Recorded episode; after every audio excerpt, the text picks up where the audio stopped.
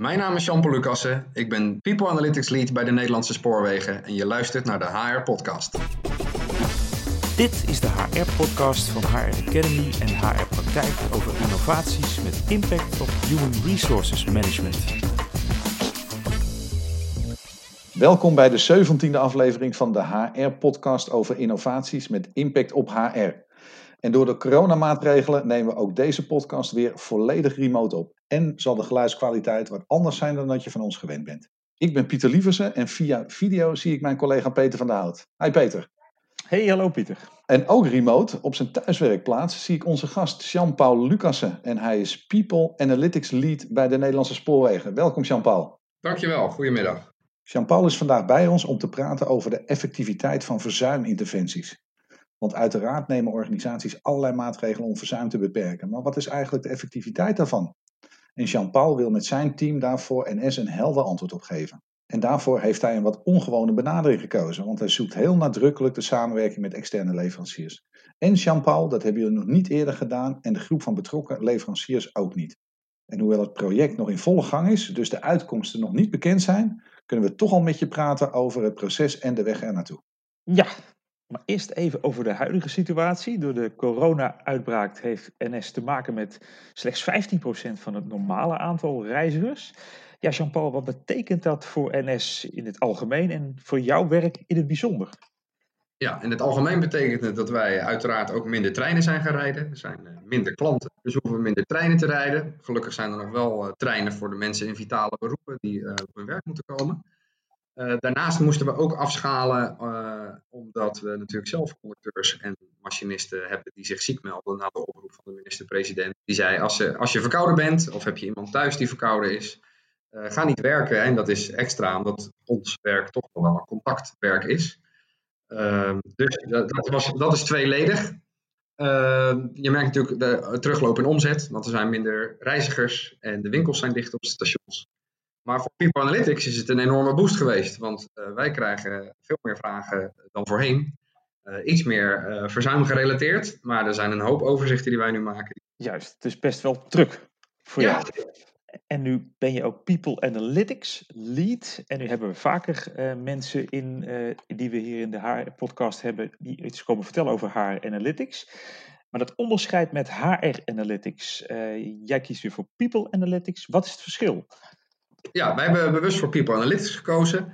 Uh, we wilden per se dat uh, people in de titel hebben, omdat wij, als wij ons werk goed doen, kunnen wij betere beslissingen nemen op het snijvlak tussen mensen en organisatie. Maar ook een belangrijk onderscheid is dat een van onze producten is HR Analytics. Dus wij zeggen HR Analytics is de analyse van HR-processen. En dan moet je bijvoorbeeld denken aan de analyse bij recruitment. Hoeveel mensen vertrekken er weer binnen een jaar nadat we ze hebben aangenomen? En hoe groot is jouw team op dit moment? We zijn met z'n vijven plus een stagiair. En zijn dat allemaal dataspecialisten? Uh, wel mensen die al heel veel ervaring met data hebben. Uh, mensen met een wiskundeachtergrond. En volgende maand start er een psycholoog. En waarom een psycholoog? Nou, dat is toevallig geacht. Ik ben niet op zoek gegaan naar een psycholoog. Maar ik heb wel altijd gezegd, ik zou er graag een bij hebben. Omdat ik denk dat je dat heel erg helpt om, uh, om gedrag te duiden. Het gedrag achter die data. dus ik denk dat dat echt voordelen gaat hebben. Nu hoorde ik je niet echt HR-mensen noemen. Nee, dat is interessant. Hè? Nou, wij, wij, wij hebben geen HR-mensen in onze, in onze afdeling. Maar gelukkig hebben we bij NS, alleen al binnen HR, hebben we drie expertisecentra met heel veel HR-kennis. En we gebruiken dus heel veel de kennis van deze mensen om, om uitkomsten van onze onderzoeken te krijgen. Oké, okay, en, en hoe lang zijn jullie al bezig met People Analytics binnen NS? Binnen NS doen we dit sinds 2015. Toen kreeg ik de unieke kans om een eigen functie vorm te geven als analist. Daar deden we nog eigenlijk toen erg weinig mee. En dat heeft geresulteerd dat we in eind 2018 zijn begonnen met een team. Dus nu zijn we, zoals ik zei, we zijn nu met z'n vijven. Oké, okay, en als je terugkijkt, waar staan jullie nu in de ontwikkeling van People Analytics binnen NS? Hoe ver zijn jullie? Ja, dat is altijd lastig. Wel, wat is de lat waar je tegen afzet? Maar het is, uh, je ziet dat we echt wel de beweging hebben gemaakt van de metrics kant, de simpele vragen en doe eens wat lijstjes en een grafiek. Uh, dat we doorgaan nu naar de advanced analytics en uh, dit jaar zelf de stap naar predictive analytics. Dus je ziet dat toch echt wel het wiskundige, de statistiek, maakt nu wel onderdeel uit van ons werk. En dat was voorheen niet. Het gaat me allemaal nog niet snel genoeg, maar soms moet je accepteren hoe het gaat. Nou, dan weer even terug naar verzuim en de verzuiminterventies, Jan-Paul. Allereerst, waarom is verzuim een hot topic bij NS? Ja, het is een hot topic omdat wij heel graag een uh, gezonde en prettige werkomgeving willen scheppen voor mensen. NS is uh, nummer vijf uh, favoriete werkgevers. Dat geeft ook aan dat mensen graag bij ons werken. Dat wil je zo houden. Maar dat is natuurlijk een heel een generiek antwoord. Terwijl het specifieke antwoord is dat het verzuim bij NS bovengemiddeld hoog is als je het vergelijkt met andere bedrijven in Nederland. En hoe komt dat? Uh, het is al, dat is moeilijk eenduidig te zeggen, maar waar je aan zou kunnen denken, is natuurlijk dat onze populatie een, een bijzondere populatie is in de zin, de aard van hun werk is dat zij op een bewegende trein werken, dus dat is mogelijk belastender. Uh, en daarnaast worden deze mensen ook uh, blootgesteld aan aanrijdingen met personen. En dus dat heeft natuurlijk ook een mentale impact op mensen. En dat maakt, die twee elementen maakt dat het werk inhoudelijk echt wel anders is dan andere banen. En kan je misschien een paar voorbeelden noemen van analyses die jullie rondom verzuim hebben gedaan? Ja, uh, we hebben een onderzoek gedaan naar de relatie tussen verlof en verzuim. Dus wat je ziet is dat er op sommige afdelingen zogenaamde verlofstuwmeren bestaan. Dat betekent dat mensen heel veel verlof hebben. En de vraag is natuurlijk, aan de ene kant kun je denken, ja, als iemand langdurig ziek is, dan neemt hij misschien minder verlof op. Dan krijg je vanzelf een verlofstuwmeer.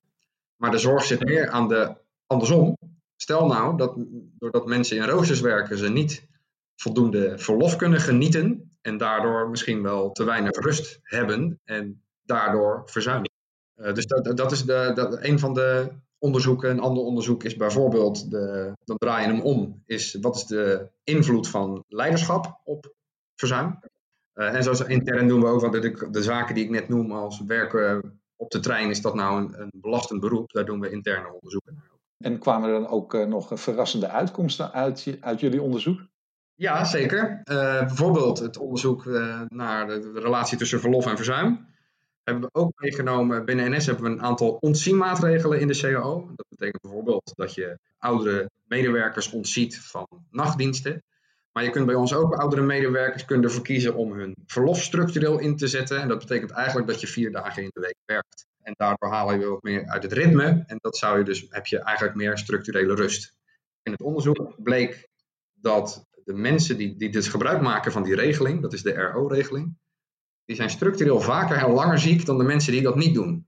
Nou, dat is wel contra-intuïtief. Want je zou verwachten dat een ontzienmaatregel het tegenovergestelde laat zien. Wat je natuurlijk niet weet, het zou heel goed kunnen dat de mensen die gebruik maken van die regeling al aanvoelden dat ze het zwaarder hadden. Dus dat ze juist daarom al deelnamen aan de regeling. En wat gebeurt er vervolgens met uh, die uitkomsten van, uh, van dit onderzoek? Hoe wordt dat weer teruggebracht in de dagelijkse praktijk en in beleid? In de dagelijkse praktijk is, uh, in, in dit geval is het, we beginnen vaak klein, dus er is een afdeling waar dit speelt. We doen een onderzoek en als er iets uitkomt, dan gaan we NS breed onderzoek doen. Dat is waar we nu mee bezig zijn. Gaat volgende week starten, dat onderzoek. Dus in eerste instantie, je kunt niet op basis van een uitkomst op een afdeling je beleid aanpassen. Dus je wilt eigenlijk kijken of dit breder werkt en dan beleid gaan maken. Zodra het kan, probeer je beleid aan te passen. Maar soms zijn de uitkomsten in eerste instantie gewoon te klein om dat meteen te doen. Maar je ziet dan al wel die uitkomsten van hé, hey, dit is eigenlijk uh, tegengesteld aan wat we verwacht hebben. We gaan het nu op een grotere groep toepassen om te kijken of we daadwerkelijk moeten ingrijpen. Exact. En meten jullie ook de effectiviteit van interventies dus als jullie ingrijpen? Ja, dat is een goede vraag. Uh, wij doen een onderzoek met een aantal externe partijen. Dat zijn leveranciers van interventies, zowel curatief als preventief. En daar feitelijk kijken we of de verzuimhistorie, het verzuimgedrag in het verleden of voor de interventie anders is dan het verzuimgedrag erna. Juist. En je, noemde net al die, uh, die regeling voor, uh, voor ouderen. Zijn er ook nog andere voorbeelden van interventies die je kunt noemen? Ja, dus die, die, regeling voor ouderen, dat is een regeling van onszelf. Dus dat hebben we zelf bepaald, samen met de vakbond. Uh, dus die is intern, maar we hebben ook allerlei externe leveranciers die onze interventies bieden. Bijvoorbeeld psychologen, die mensen bijstaan als ze een aanrijding met een persoon hebben gehad. Maar, en er zitten ook preventieve dingen aan als medewerkers kunnen een scan doen. Uh, en op basis daarvan kunnen ze een vitaliteitscoach krijgen. En hoe meet je dan het effect van dit soort interventies? Ja, de, de, de, je hebt verschillende leveranciers met verschillende interventies. Dus je moet op zoek naar een soort gemene deler. Uh, dus wij hebben gezegd, uh, zie je het, het verzuimgedrag veranderen. Dus het verzuimgedrag in het verleden is dat anders dan na de interventie. En om, hoe, om hoeveel interventies gaat het dan die je uiteindelijk uh, analyseert? We zijn nu, hebben we acht leveranciers benaderd om hier aan mee te doen. Want het bijzondere is inderdaad dat jullie nu uh, niet alleen uh, uh, koersen op de data die jullie intern in het bedrijf hebben, maar eigenlijk ook gebruik gaan maken van de data van deze externe leveranciers. Ja, en die data die is van die leveranciers en van onze medewerkers en niet van ons. Dus wij kunnen dat ook niet zien. Dus we, de data van die leverancier die wordt door een externe partij gehashed. Onze data over verzuim wordt door diezelfde externe partij gehashed en gaat daarna dus versleuteld naar een analyserende partij. Dus die data, die, daar kan er net nooit bij. En um, was dat eigenlijk al op voorhand duidelijk dat dat een oplossing zou moeten zijn? Van wil je wat gaan doen met de data van externe, dan moeten we dat versleutelen door een derde partij. Ja, dus die keuze maken wij. We hebben binnen NS hebben wij een gremium dat de Data Users Board heet, de DUB. En uh, feitelijk moet iedereen die binnen NS wat wil met uh, data, die moet daar langs uh, en daar wordt getoetst of het AVG-proef is en of dat dus privacy technisch allemaal in de haak is. En dat is ook een gremium dat besluit van nou, dit kan. het gaat over verzuimgegevens, dus het zijn bijzondere persoonsgegevens. en daarnaast is het data die normaal niet van NS zou zijn, dus dit moet versleuteld. Dus dan krijg je wel de toestemming om daarmee te werken. En vervolgens ook de richtlijn om die data te laten versleutelen. Ja. Kost het moeite om die leveranciers mee te krijgen hierin trouwens? Nee, we hebben, um, de, de, vooraf hadden we daar wel het idee dat dat misschien zou kunnen. Maar we hebben toen we hiermee zijn begonnen, hebben wij uh, op één middag al die leveranciers uitgenodigd. Hebben we een presentatie gegeven met dit willen we gaan doen. Daar was ook de analyserende partij bij, ook een externe partij hebben we uit laten leggen. Dit doen wij, dit, dit, zo gaan we om met die data. En zo hebben we proberen uit te leggen, helder uit te leggen, dit is wat we willen en zo willen we het gaan doen. En eigenlijk hebben ze daar allemaal uh, aan meegewerkt. Oké, okay, dus dat uh, ging soepel. Ja. En uh, hoe ga je dan om met de privacy van die data? Je noemde net al versleutelen, maar is er ook een beleid binnen NS om dit echt te waarborgen? Ja, dus we hebben, en we hebben dat gremium uh, voor die Data Users Board. Uh, en dat, uh, dat, dat moeten we dus ook echt naleven. Dus die akkoord. En daar, daar wordt ook allerlei afspraken worden over gemaakt. Stel dat wij een onderzoek doen waar we wel zelf over de data beschikken. Hoe lang mag je dat dan bewaren? Wanneer gooi je dat weg? Hoe verzend je um, elkaar veilig databestanden? Dat worden allemaal afspraken over gemaakt, wordt allemaal vastgelegd. Ja. En de data bij deze externe leveranciers, die verschilt natuurlijk allemaal in formaat en in opbouw. Hoe is dat eigenlijk te synchroniseren als je dat allemaal aan elkaar wil knopen? Ja, dat is dus een uitdaging die, uh, daar moet je een beetje aan overgeven van wat er over de lijn komt. Dus het, eerst is het uh, de uitdaging voor de hashende partij, zullen we maar zeggen, om daar uh, al die formaten binnen te krijgen. Dus je, je kunt je voorstellen dat het soms een Excel-bestand is en soms is het ineens misschien een tekstbestand. Uh, dus dat is een uitdaging. En dan is het de uitdaging voor de analyserende partijen om dat allemaal met elkaar te laten praten. Uh, dus dat uh, heeft af en toe wel wat trial and error momenten, zullen we maar zeggen. En nog even om het praktisch te vertalen, dat hashen. Hè, stel voor dat je inderdaad die Excel-sheet hebt waar een personeelsnummer en een naam staat. Dan is het zo dat die hashende partij die haalt dan die naam weg en die maakt daar een andere code van of zo. Is het dat, hoe dat vrij eenvoudig vertaald het principe is? Ja, dat is uh, hoe het vertaald is. En dat betekent ook dat die sleutel daarna weggaat. Die, die wordt weggegooid.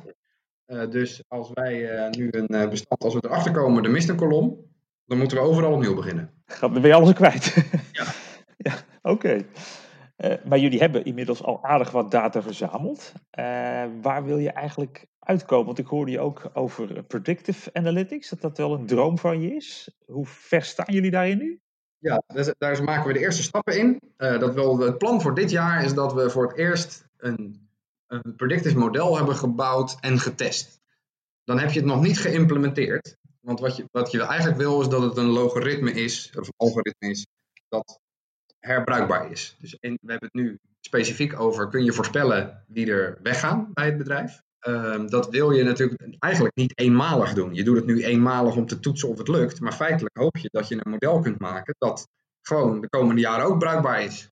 Uh, maar da dan moet je echt wel een stap verder zijn, want dan ben je dus met een lerend algoritme bezig. Dus we hebben eerst, kun je een model bouwen uh, waar voorspellende waarde in zit. En kun je dan ook nog externe gegevens gebruiken? Want wij beschikken van onszelf natuurlijk heel veel over interne data. Maar er zijn heel veel externe factoren die bepalen of iemand ergens anders gaat werken of die ons bedrijf verlaat. En verwacht jij op basis van het onderzoek over die verzuiminterventies eigenlijk ook input te krijgen om straks voorspellingen te doen welke interventies wel en niet werken? Ja, dat zou zomaar kunnen. Dat, dat, uh, je, je, hoopt natuurlijk dat er voldoende basisuitkomsten zijn om daarop uh, voor te borduren. Maar het is wel, als in ons uh, vakgebied is het ook wel soms mensen uitleggen dat geen uitkomst ook een uitkomst is. Dus je, je, kunt, je hebt, het is gewoon niet zo dat je ieder onderzoek wat je doet, dat daar bruikbare dingen uit. Want het zou zomaar kunnen zijn dat als je onderzoek gedaan hebt, dat je dan niet kan vaststellen of die interventies nou daadwerkelijk uh, wel of niet werken. En dat is dan ook een uitkomst. Ja. En dan is het aan de beleidsmakers om te bepalen of ze dan wel of niet met die interventie doorgaan. Ja, nog even over de opdrachtgevers van jouw onderzoek. Wie geven jou opdracht om, om dit onderzoek te gaan doen? Of is dit een eigen initiatief? Het is, uh, de onderzoeken die we doen zijn uh, is een mix van eigen initiatief, opdrachtgevers bij HR en opdrachtgevers uit de business. In dit geval is de opdracht gekomen uit het Center of Expertise dat zich bezighoudt met verzuim. Uh, waar ook wel de vraag steeds vaker wordt gesteld: maar waarom kiezen we nou voor welke interventie en waarom kiezen we voor welke leverancier? En dat zou je dus veel liever ook uit de data willen duiden. En toen hebben wij gezegd, zouden we daar, dat ook niet kunnen duiden met effectiviteit. Ja. En is het zo dat, eh, want je gaf net natuurlijk al aan van we doen onderzoek op een klein gebied en dan proberen we het groter te maken. Is het nu dat je met deze uh, leveranciers waar je nu mee werkt, is dat een soort van subset van het totaal van de externe leveranciers waar je mee werkt? Of is dit toch eigenlijk wel de hele groep die interventies uh, verleent? Ja, nee, dit is echt een subset. Wij, NS eh, beschikt over, eh, dat gaat echt over tientallen leveranciers. Nou, dat is wat groot voor je eerste onderzoek. Dus we hebben nu gekozen voor een aantal uh, grote, grote leveranciers. Dus wel grote leveranciers, dus wel een, een behoorlijk aantal van de zeg maar, verzuimgevallen die daardoor gedekt worden. Ja, dus je ziet dat daar een groot deel van onze medewerkers maar wordt, uh, is onderdeel van zo'n interventie. Als ik dit nu even vertaal naar uh, andere uh, HR-professionals, die ook al natuurlijk van alles willen weten over het effect van verzuiminterventies. Um, betekent dat nu eigenlijk dat je ook volledig inzicht in je verzuim moet hebben? Of kun je ook op deelgebieden al beginnen met analyses? Ik denk dat je op deelgebieden kunt beginnen. Sterker nog, voor mij is het een illusie dat je je hele verzuim hebt doorgrond. Er zijn namelijk zoveel zaken van invloed op dat verzuim. Als je gaat zitten wachten tot je het helemaal begrijpt, zou het zomaar kunnen dat je nooit. Dan kan het zijn dat je nooit in je onderzoek begint. Uh, dus ik zou uh, heel goed uh, afbakenen. En dat kan dus soms zijn, zoals wij het ook doen, dat je zegt: nou, ik begin bij een afdeling. En als dat interessant is, dan schakel ik op. Ja, kijk, als als het mogelijk is om het hele scala mee te nemen, moet je het niet laten. Alleen de praktijk leert dat dat gewoon niet zo vaak voorkomt. Zijn dan verzuimonderzoeken, is dat iets van recente datum uh, bij NS? En zijn jullie zo op uh, het meten van de effectiviteit van interventies gekomen? Of loopt dat al heel lang en uiteindelijk komen dan, hè, gaan een paar wissels om, om het maar zo te zeggen. En opeens zit je dan bij het, uh, het onderzoek naar de effectiviteit van de verzuiminterventies? Ja, het is, het is, een, het is een mix. Wij, kijk, onze club bestaat gewoon nog niet zo lang, dus wij zijn nog niet zo heel lang hiermee bezig. Maar er is natuurlijk, we weten natuurlijk al heel lang dat je als je conducteur bent, dat dat mogelijk belastend is. We hebben allerlei al initiatieven opgestart om te kijken, kunnen we dat meten? Uh, en wij hebben dat eigenlijk, wij nemen het stokje nu over, omdat wij zeggen van nou, we kunnen het misschien, wij hebben wat meer zicht op het verbinden met andere datasets. Uh, want dat is natuurlijk ook weer een volgende stap. Als je het ene ding hebt gevonden, het liefst zou je het dan combineren met financiële data of business data. En uh, over het samenwerken met die leveranciers, uh, ook wel denk ik een, een, interessante learning voor, voor andere HR-professionals. Um, is dat ook iets wat je aanraadt eigenlijk voor andere professionals om juist die samenwerking met, met leveranciers te zoeken om meer data op deze manier te krijgen? Ja, en misschien ook wel voor leveranciers zelf. Ik bedoel, het onderzoek is niet opgezet om, uh, om bepaalde leveranciers uit te gaan sluiten het is opgezet om met elkaar te begrijpen dat wat we doen, werkt dat. Het zou dus ook zomaar kunnen dat uh, de, uh, in, bepaalde interventie bij het ene bedrijf beter werkt dan het andere. Daar heeft een leverancier heeft daar ook wat aan. Dus wij hebben ook afgesproken met die leveranciers, die krijgen natuurlijk de, de uitkomsten van deze analyse, krijgen die. die. Krijgen daar wat voor terug. En hoe vinden ze dat? Vinden ze dat eng? Want er zou ook maar zo eens kunnen zijn dat bij leveranciers die ongeveer dezelfde diensten leveren, dat de ene heel wat effectiever is dan de ander. Dat zou, dat zou dus kunnen. Nou, is het, ten eerste is het nieuw, maar gelukkig was het nieuwe voor hen niet iets wat afschrok, maar iets wat nieuwsgierig maakte. ik heb bij twee leveranciers aan tafel gezeten toen we dit aan het voorbereiden waren. Ehm, zoals ik zei, ze, werken allemaal mee, dus daaruit spreekt wel vertrouwen dat ze mee willen. En de twee, de twee partijen die ik heb gesproken, die zeggen letterlijk, als, uh, als ik hier niet aan mee zou werken, dan zou ik me als NS zorgen maken. Want ik, ik geloof toch in mijn interventie, ik geloof dat dit effectief is. Uh, dus dat is eigenlijk dat is ook wel hoe het werkt. En als je kijkt naar, wat, je, wat je nu doet, wat kun je, kun je nog in het algemeen iets zeggen uh, uit de, de, lessen van jou, uh, People Analytics Lead zijn bij NS, uh, voor HR in het algemeen? Wat, wat zou je HR-collega's willen meegeven om datagedreven HR op een hoger plan te brengen? Ik zou me niet alleen focussen op het doen van analyses, maar ook focussen op het fact-based, dus de mindset veranderen van je hele HR-populatie. Dat is ook waar wij nu veel tijd aan besteden. Is, uh, zeker, eh, NS is een vrij traditioneel bedrijf. Dat betekent dat er heel veel mensen met lange uh, dienstverbanden zijn. Op het moment dat zij begonnen bij NS, toen was echt dingen als big data en predictive analytics, dat, dat was echt niet in vragen. Dus je ziet dat die mensen die zijn daar niet op aangenomen. Dus die moet je soms uitdagen om daar ook mee te gaan werken. Om vragen en besluiten te onderbouwen met informatie. En hoe verander je die mindset?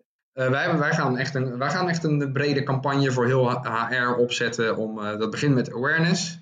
En vervolgens ga je dus ook echt aan de skill kant wat doen. En wij hebben vanaf het begin gezegd dat er heel veel fun in moet zitten. Omdat dat nou eenmaal de meeste drempels wegneemt. Dus je moet denken aan uh, een escape room op het gebied van people analytics. dat soort zaken. Mm -hmm. En als je het dan hebt over de skills, zei je dan net. Wat zou er dan kunnen gebeuren?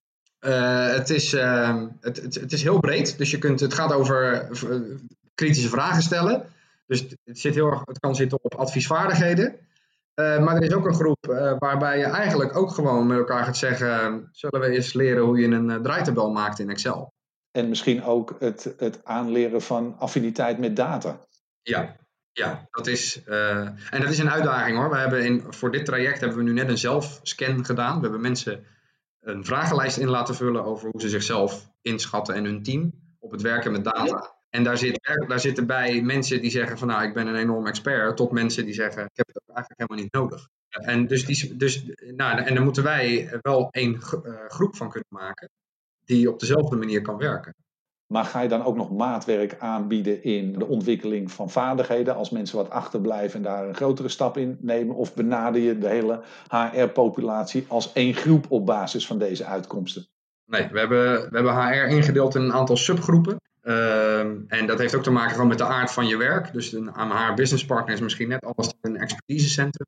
Uh, dus we hebben daar uh, wat indelingen voor gemaakt, waardoor je dus iets meer maatwerk kan leveren dan uh, one size fits all. Oké. Okay. Nou, dankjewel Jean-Paul voor het delen van uh, jouw ervaringen in het realiseren van fact-based HR bij NS. Daarmee zijn we aan het einde van weer een aflevering van de HR-podcast over innovaties met impact op HR.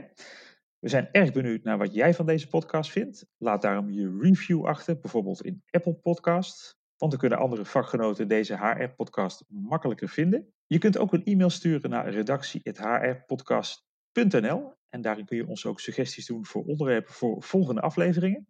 Bedankt voor het luisteren en tot de volgende HR-podcast.